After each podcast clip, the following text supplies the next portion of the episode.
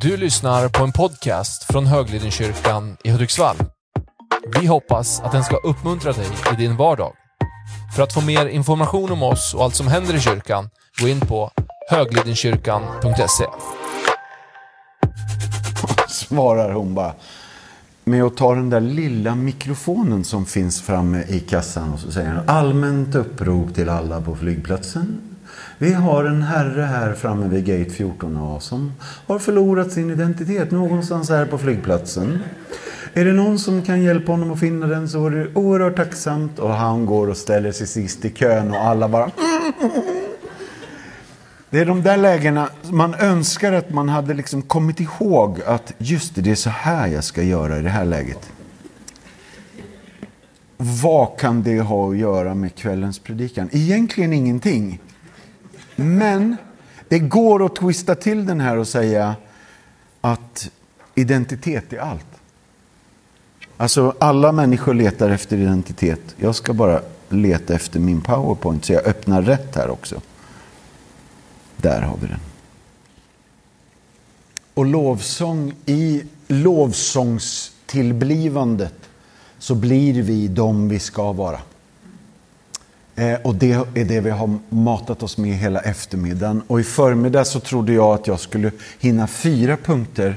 Men jag märker att jag, jag hinner ju ingenting. Eh, och det är tack vare er. Det, det är inte ert fel, utan det är tack vare er. Jag får feeling och springer efter idéer som på något sätt dyker upp i, i det här. Så jag blir överraskad av var saker och ting tar vägen. Men samtidigt så blir jag överraskad vart klockan tar vägen.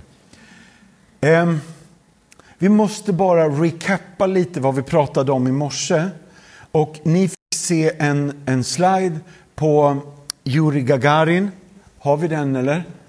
Ehm, där vi pratar om att det finns ingen Gud och sen finns det då åtminstone x antal lovsånger som skrev x antal år innan Juri kom och sa det finns en Gud. Och de där sångerna har fått en sån genomslagskraft så det finns tydligen inte fler sånger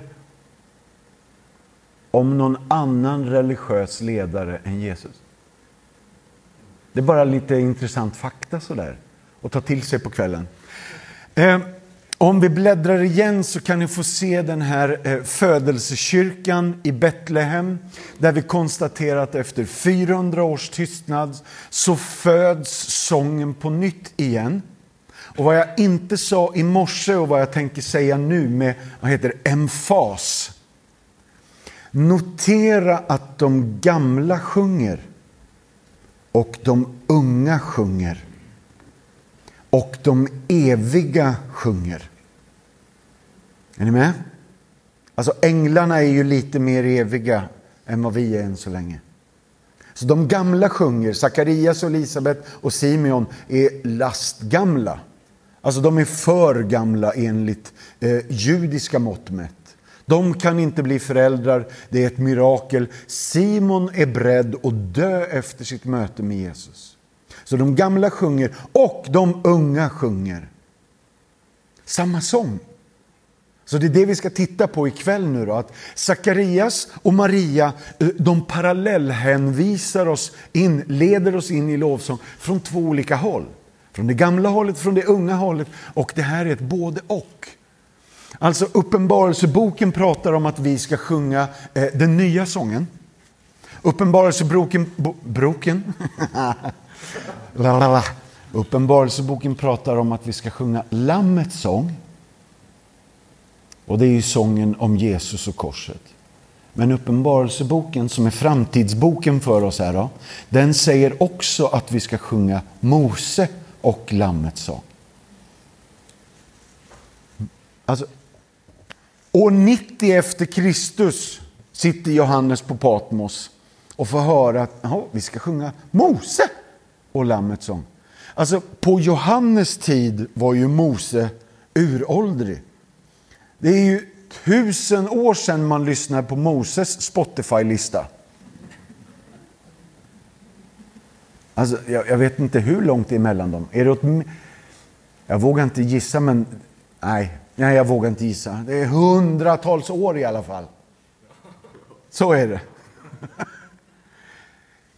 Så det här säger oss någonting. Det här ger oss en, en bild av att när vi kliver in i lovsång och tillbedjan så är det inte bara vi och här och nu och mysig stämning och vi vill fylla ut gudstjänsten med lite sång för att Markus orkar inte predika i fem kvart. Det orkar han nog.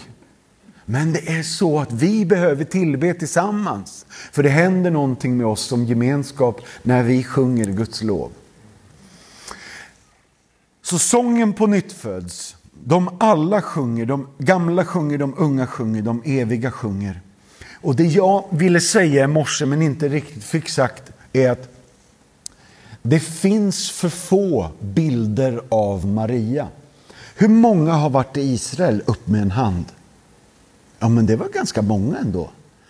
Friends, när man är i Jerusalem så möter man bilder på Maria i parti och minut. Och på alla bilderna i Jerusalem gråter hon. Om du har varit i Betlehem så ser du att hon ler.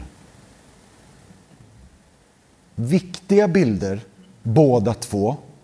Men det vi läste i morse var att vi får ytterligare en bild av en tjej som, alltså listan till trots, sjunger lovsång i kristider. Mattias Martinsson hade nog tyckt att hon borde stämt upp i någon klagovisa och det hade känts naturligt för mig.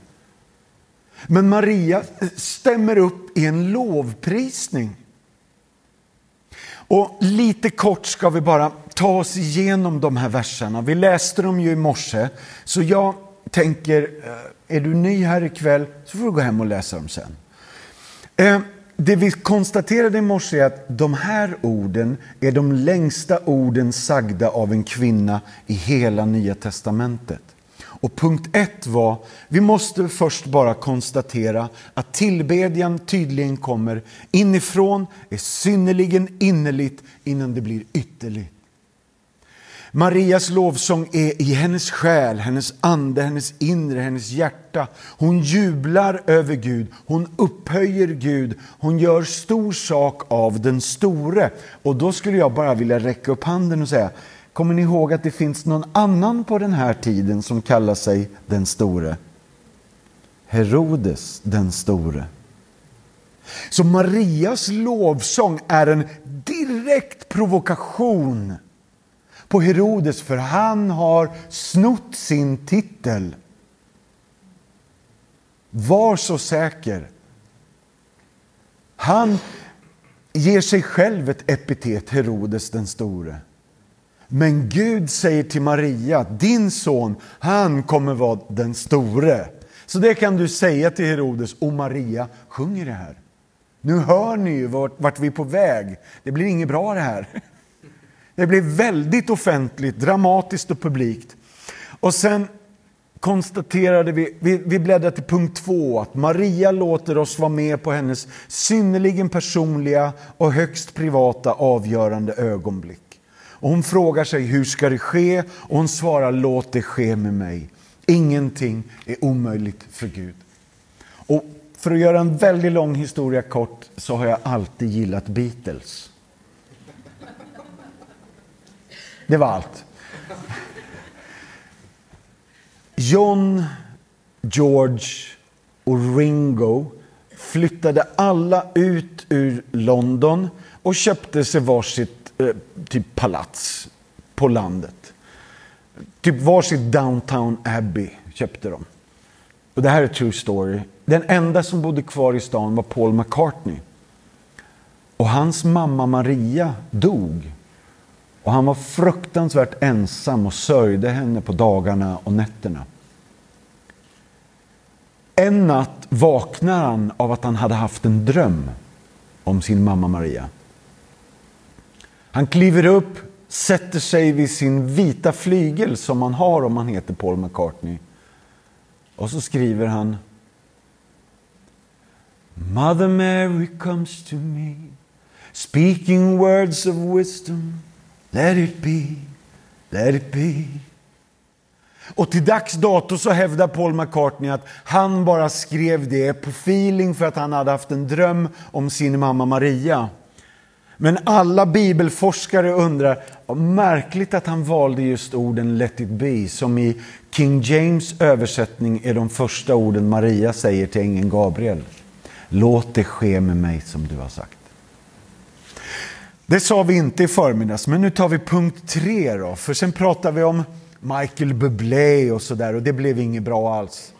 Så vi, vi går bara vidare. Vi, vi går till Gabriel och Sakarias och Maria.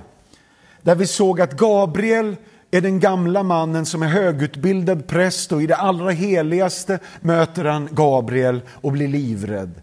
Maria är den unga outbildad tonåring som i ett enkelt hem i Nasaret känner sig förvirrad när hon får änglabesök. Inte för att hon får det så ofta utan för att hon känner vad är det han säger? Ska jag bli gravid? Ja, låt det ske med mig som du har sagt. Hon frågar, i, i, i svenska mått mätt så säger hon, har du någon legitimation? Alltså kan, kan jag ha, har du något kvitto på det här bara? För att det kommer bli krångel när jag pratar med mamma och pappa, var så säker. Men sen kommer det också bli krångel med Josef och mormor och morfar och kyrkan och synagogan. Och, ja, ni, det där drog vi i morse lite grann. Men allt det här leder oss fram till två lovsånger som liksom som krokar i varandra. Som, som liksom använder varandra som stöttepelare på vägen fram. Och notera nu att jag sa att Sakarias är den gamle, Marias är den unga. Så här hör vi att vi behöver ett samarbete, en symbios, en, en fusion av gammalt och nytt och ung och gammal för att lovsången ska ha liv. Sakarias behöver sjunga trots att han kanske inte tycker... Ja, just det, jag har en sån. Ja. Jag känner, Oj, har jag mina glasögon på mig? Bara, nej. Jag har en mick till.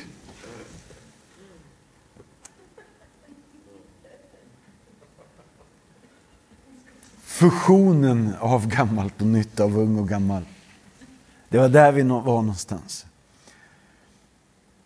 Så i stan har vi prästen som tvivlar, på landet har vi tonåringen som tror. Och i stan har vi den som inte kan ta emot budskapet och ute på landet har vi den som faktiskt tar emot det Gud har att säga. Jag skulle nästan vilja säga att Sakarias ifrågasätter miraklets möjlighet. Men Maria, hon bara, okej. Okay. Det är vackert. De stöder varandra, de hjälper varandra på varsitt håll. Och nu skulle jag också vilja räcka upp handen, i varsin tid. För det, det skiljer åt flera månader i den här storyn. Och Elisabet är för gammal, ofruktsam. Maria är oskuld. Så då är det omöjligt med havandeskap i ena änden och i andra änden så är det opassande för havandeskap. Men till slut så sjunger de båda. Utan att göra för långt med de här parallellerna så skulle jag vilja säga att hela din Nya Testamente fungerar ungefär så här. Det var en man som hade två söner. Lillebrorsan sa, ge mig den del av arvet som är mitt. Storebrorsan gick hem och gnetade. Två parallellåkningar. För verkligheten är att vi riskerar att tänka att jag är en Nikodemus personlighet som behöver akademisk förklaringar, jag behöver ordning och reda, pengarna på fredag och jag orkar inte ta det här med Jesus på dagen så jag smyger dit i natten. Livets natt eller mitt i natten, spelar ingen roll.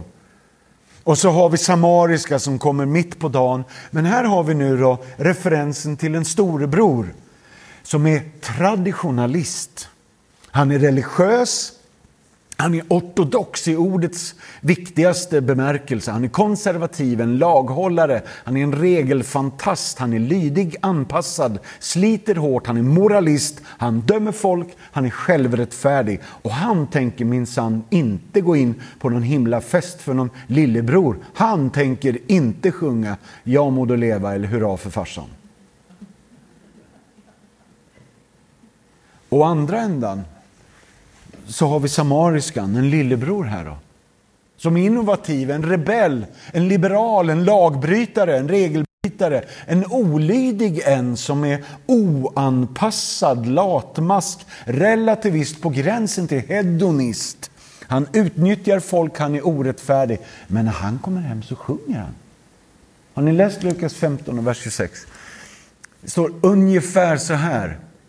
På väg hem från åken, det här handlar om storebrorsan, hörde han musik och dans. Och det är Jesus som berättar den här liknelsen för oss. Vad är hemmet en symbol för? Hemmet är en symbol för kyrkan. Himlen eller evigheten på sin höjd. Men framförallt kyrkan tror jag. Så hemmet är fyllt av sång och dans. På väg hem från åken hörde han musik och dans. Då måste jag bara räcka upp handen och säga, vän av ordning. Jesus, snälla någon, hur sjutton hörde han dans?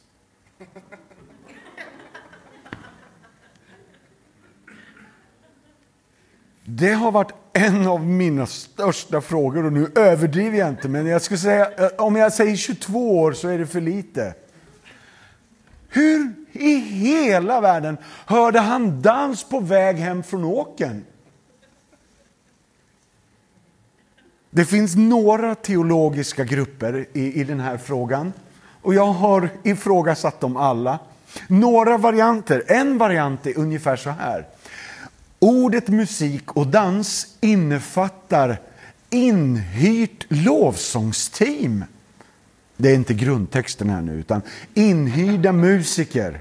Alltså det var harpa och symbal och sångare som lirar och sjunger allihopa. Och i det bandet så ingick det dansare som bar linneefod. Och längst ner i follen på linneefoden hade de kanske små bjällror av järn. Och de där bjällrorna, när de här inhyrda dansarna dansade och vevade runt så hördes det klingeliklangel. Men att det ska höra endast i åken det räcker inte riktigt. Vad är det texten, vad är det Jesus säger till oss då? Att gå på gudstjänst är att fira frälsningen. Och att fira frälsningen är en brakfest. Att Gud har löst låsningen på hela universums dilemma bör firas med fest. Så festen är inte för lillebrorsan eller storebrorsan, utan festen är för den fullkomliga fadern.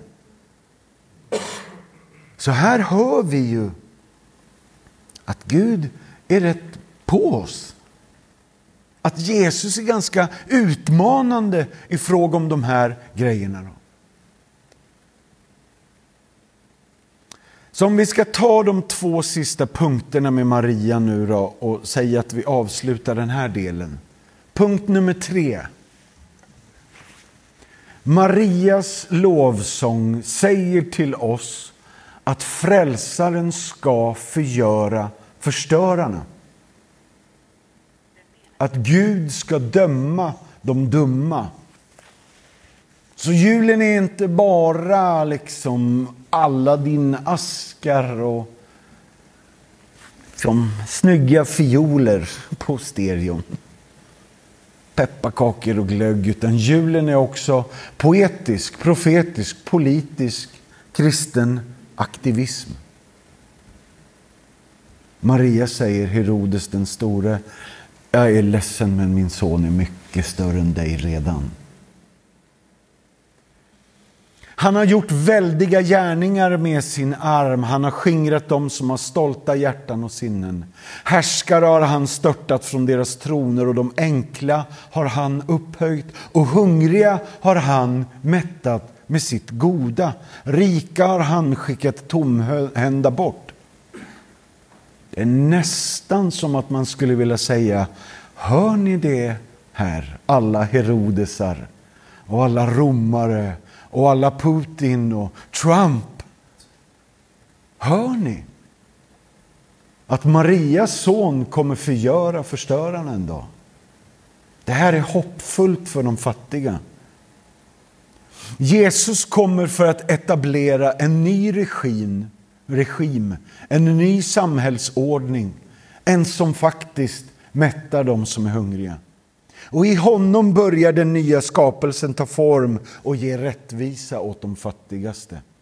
Hela hans tillblivelse vittnar starkt, starkt om att ett skapelseunder ska ske igen och nu återställs den gamla ordningen, originalordningen. Både mirakler och musik föds på nytt.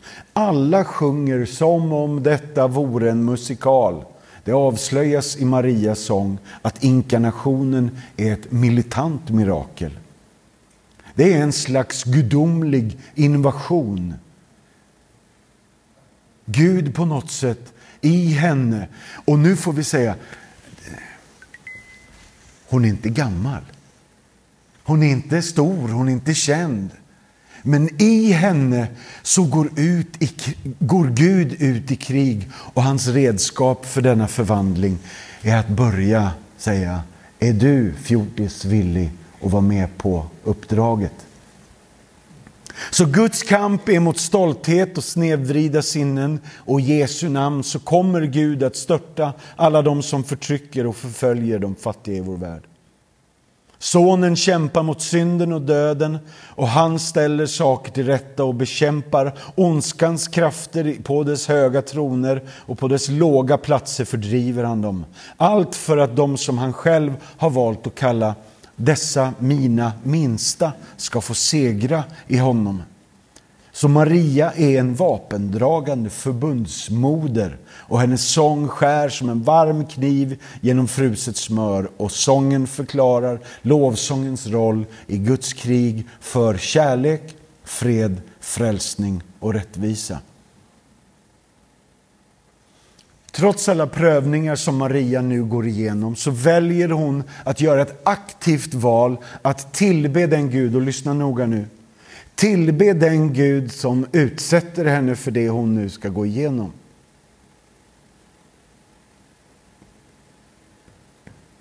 Så hon har någonting tufft framför sig. Och hon förstår att Gud på något sätt ligger bakom det. Och hon väljer att tillbe och tacka honom ändå. Det här, det här är modigt. Det här är kraftfullt. Hörni. För jag tycker att man kan ju tillbe Gud när man har gått igenom Röda havet och man har gått igenom Röda havet. Då tycker jag att, ja men sjung hur mycket du vill. Nu är det ju bra. Ska vi bara ta några av de här och nypa hål på dem där? Jobs bok. 42 kapitel. Det löser sig inte förrän i kapitel 38-39. Och i kapitel 19 sjunger Job Och han sjunger Jag vet min förlossare lever. En dag ska jag få se honom sån som han är. Om än min kropp förgås så förtärs mitt inre av längtan. Så det är lite tidigt att sjunga om en frälsare. För räddningen kommer inte förrän i kapitel 39-40. Eller några tusen år efter att Job har levt. Om vi ska krångla till det. Och han lovsjunger i kapitel 19. Nästa är klagovisorna då. Carol och Per-Erik spelar in den, hjälp mig, den går i D-dur. Din nåd är var morgon ny, din trofasthet står fast, din barmhärtighet omsluter mig. Alltså, hur kan man sjunga det i klagovisornas tid? Vi tar en till då. Profeten eh, Habakuk. Alltså, de, de, kanske några av de tre deppigaste kapitlen i Gamla Testamentet. Alltså hade han gått till doktorn så hade han fått spännande tabletter utskrivna. Och i kapitel 3 så är det åt skogen med allt och så slutar han med att lista hur åt skogen det är med allt. Så han, eh, alltså, fåren är inte i follan, skörden har sått fel, grödorna gror inte. Alltså, det är en sjukt lång lista. Man bara... Och sen, likväl vill jag fröjda mig i min frälsningsgud. Herren är min starkhet och min lovsång. Och så känner man, var kom den ifrån? Likväl vill jag fröjda mig i min frälsningsgud. Och sen, vi tar en till. Jona bok. Fem, fyra kapitel bara. Och ni, ni, vet ju, det är så märkligt, han flyr från Ninive och i kapitel två så är han i fiskens mage. Och tänker jag, när man har blivit uppspottat på land, då kan jag tänka mig att sjunga. Nej, Jona sjunger i fiskens mage. Så här, så här, ja, ni hör ju hur min hjärna funkar, men jag bara, vad sjöng han då liksom? Så här, halli, halli, halleluja, det bub, bub, bub, bubblar inom mig. Liksom, alltså jag, ja, det, ni hör ju att jag är, inte, jag är inte helt frisk vad det gäller de här grejerna. Men huvudpoängen är, Jona sjöng innan han är uppspottad. Det här säger oss någonting. Habakuk sjunger trots att skörden har slått fel. Jona, eller inte Jona, no, vad hette han? Jobb hette han. Han första killen. Han, han sjöng i, vårt, i vår mening för tidigt. Vi kan, om vi bläddrar till första bilden på min familj, grabbar.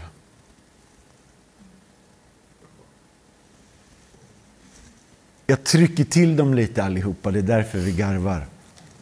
Men det ingen vet att den här bilden är tagen sju dagar efter att vi blev utskrivna från sjukhuset. Där vi låg inne, både jag och min fru, därför att vår yngsta höll på att gå ifrån oss. Så hela den hösten låg vi inne på Östra med henne. Och det som höll oss vid liv, ska jag inte tala för Therese, men en av sakerna som höll henne vid liv var blott en dag, ett ögonblick i taget. För mig var det att Sissel gav ut en låt som hette Be still and know that I am God. Varenda dag, varenda promenad runt den där lilla sjön uppe i kärnet vid Östra sjukhuset. Flera månader, jag bara matade mig med den där sanningen. Och den hösten kom Hillsong ut med There is another in the fire. Alltså, jag tror att de gav ut sex versioner på samma låt. En studio, en arena, en stråk, en med bara piano och gitarr. Och Taja bara sjöng den där rakt in i själen på mig att Sadrak, Mesak och Avednego i den brinnande ugnen, om du tittar på tillägget i apokryferna till kapitel 6, så sjunger de en lovsång i ugnen. Så vi kan inte, vi får inte säga att vi sjunger sen. När Ukraina-kriget är över eller när elkrisen är klar. Utan vi sjunger nu. Vi är ett sjungande folk för att våran Jesus, sista kvällen med gänget, i, i, i Matteus 26 och vers 30 så står det när de hade sjungit lovsången gick de till Olivberget. Johannes 19 säger att när Judas lämnade de tolv så säger Johannes, det var natt. Det behöver man inte konstatera om man redan har berättat att det var sista natten med gänget. Men Johannes vill säga, nu blev det mörkare än mörkast. Och i det läget säger Matteus 26, vers 30, när de hade sjungit lovsången. Och då måste jag bara fråga oss, vilken lovsång då? Psalm 112 till 118. Och då bara... Hade de powerpoint? Hade de overhead? Hade de psalmbok? Nej. 112 till 118 utan till. Men det kan ha varit 112 till 126 också. Utan till.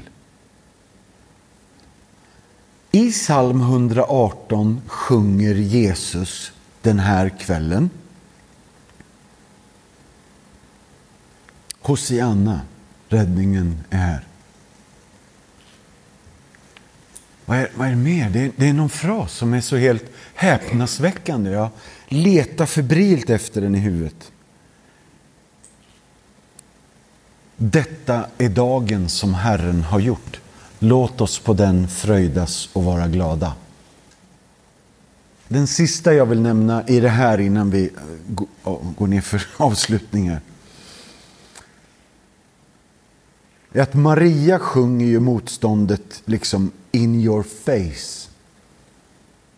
Och vi nämnde, jag tror jag nämnde dem när jag bad lite grann i morse. Med Apostlagärningarna 16 med Paulus och Silas i fängelset i Filippi. Vid midnatt höll Paulus och Silas bön och sjöng lovsånger till Gud. Och sen står det bara så här. Och de andra fångarna hörde på. Den svansen du. Det betyder alltså att Hudik hör inte när du lovsjunger, men Hudik får en konsekvens av att du och jag lovsjunger. Jag kan tycka att har man sjungit, då kan bojorna falla av och portarna flyga upp för de som har sjungit. Har man inte sjungit bör man inte gå fri heller. Det är lite så jag funkar. Men hör ni, Paulus och Silas sjöng, de andra fångarna hörde på, de andra fångarna blev också fria. Det händer någonting med Hudiksvall när du tillber Gud. Bojor bryts. Fängelsehålor förvandlas till katedraler och portar slås upp och fångvaktare blir frälsta. Så det är märkligt det här med Marias lovsång. Vi kan inte bara säga att ja, det var ju bara hon och där och då, för nu har jag gett er. Jag har, eh, vad hette han nu då? Jobb, Jona, Habakuk, Jesus i övre salen eh, eh, och killarna i, i Filippi, vad hette de nu? Paulus och Silas, Marias lovsång och så vidare. Nu tar vi sista punkten. Marias lovsång lovar oss att Gud inte ljuger. Hans namn är trofasthet. Vi får ändå räcka upp handen och säga hur lång tid kommer det ta? Gud kommer svara ibland jättelång tid, 400 år. Men ibland inte lika länge, nio månader är en graviditet. Maria sjunger frälsarens lov innan han är född. Och där skulle jag bara vilja räcka upp handen och säga Maria, det är så att man kan få en pojke eller flicka. Så funkar jag. Där jag känner att det är lite, lite tidigt att sjunga nu. Vi tar julsångerna när han är född och ligger där i krubban. Hon sjunger innan. Hon sjunger i tro. Det är det vi gör som kyrka. Och jag skulle, jag skulle vilja slänga in det här. Lyssna nu, för det här är intressant. Maria sjunger innan Jesus är född i tro. Och det är helt fantastiskt. Men de vise männen börjar gå långt innan Gabriel har varit hos Maria. Det är tro! Det är tro. Det finns ingen åskådning i den, hörni. Är ni med? Har ni tänkt på det här? Nej, nej det är ingen som bara... Oh. Alltså, de, de har gått jättelångt. Vi vet inte hur långt, men vi vet att de har gått jättelångt. Och det finns indicier i texten som tyder på att de kommer från olika håll och att det är ett stort gäng. Framförallt det att de får tillträde till Herodes så här. Det fick inte vem som helst, inte kreti och pleti, utan de måste ha varit en an anmärkningsvärt liksom, inflytelserik grupp och kanske en stor trupp. Det finns några teologer som tror att de var uppemot 300.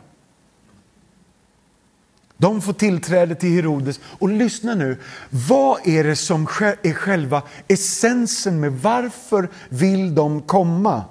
Vi har sett en stjärna, den säger till oss att judarnas nyfödde konung är född. Och varför vill vi komma? Vi har kommit för att tillbe honom. Det står så i Matteus 2, 10 eller 11. Alltså det här, hade vi varit en hiphopklubb nu, så alltså, då, då, då, är det här mic drop. Ni får googla det.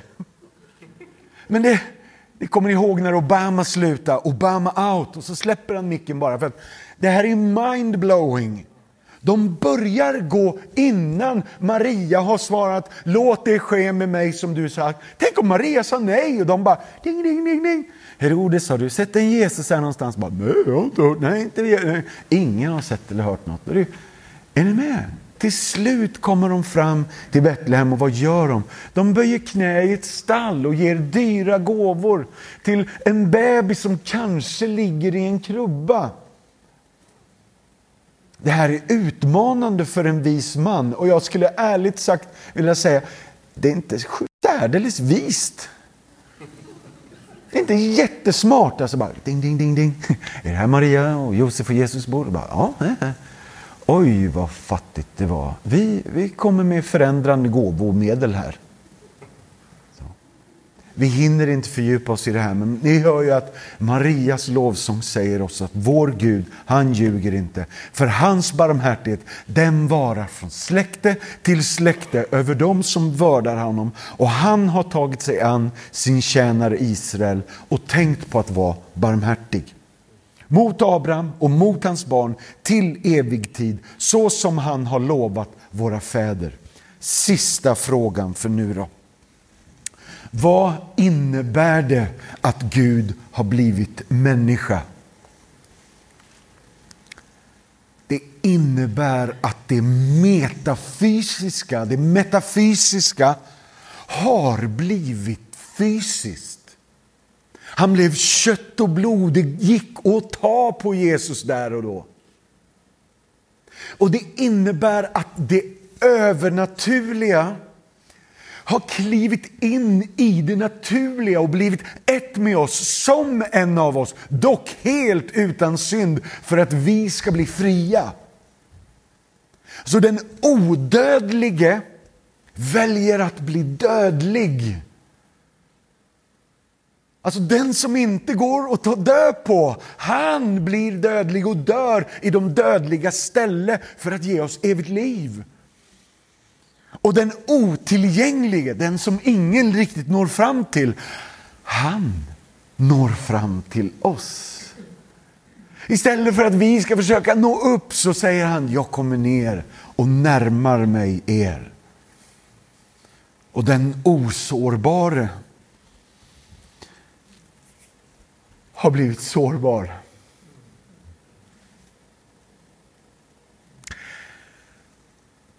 Det här betyder att när man sitter på Östra och pratar med Gud och säger du, det där Mose sa. Att om, om du stryker mig ur boken, låt henne få leva.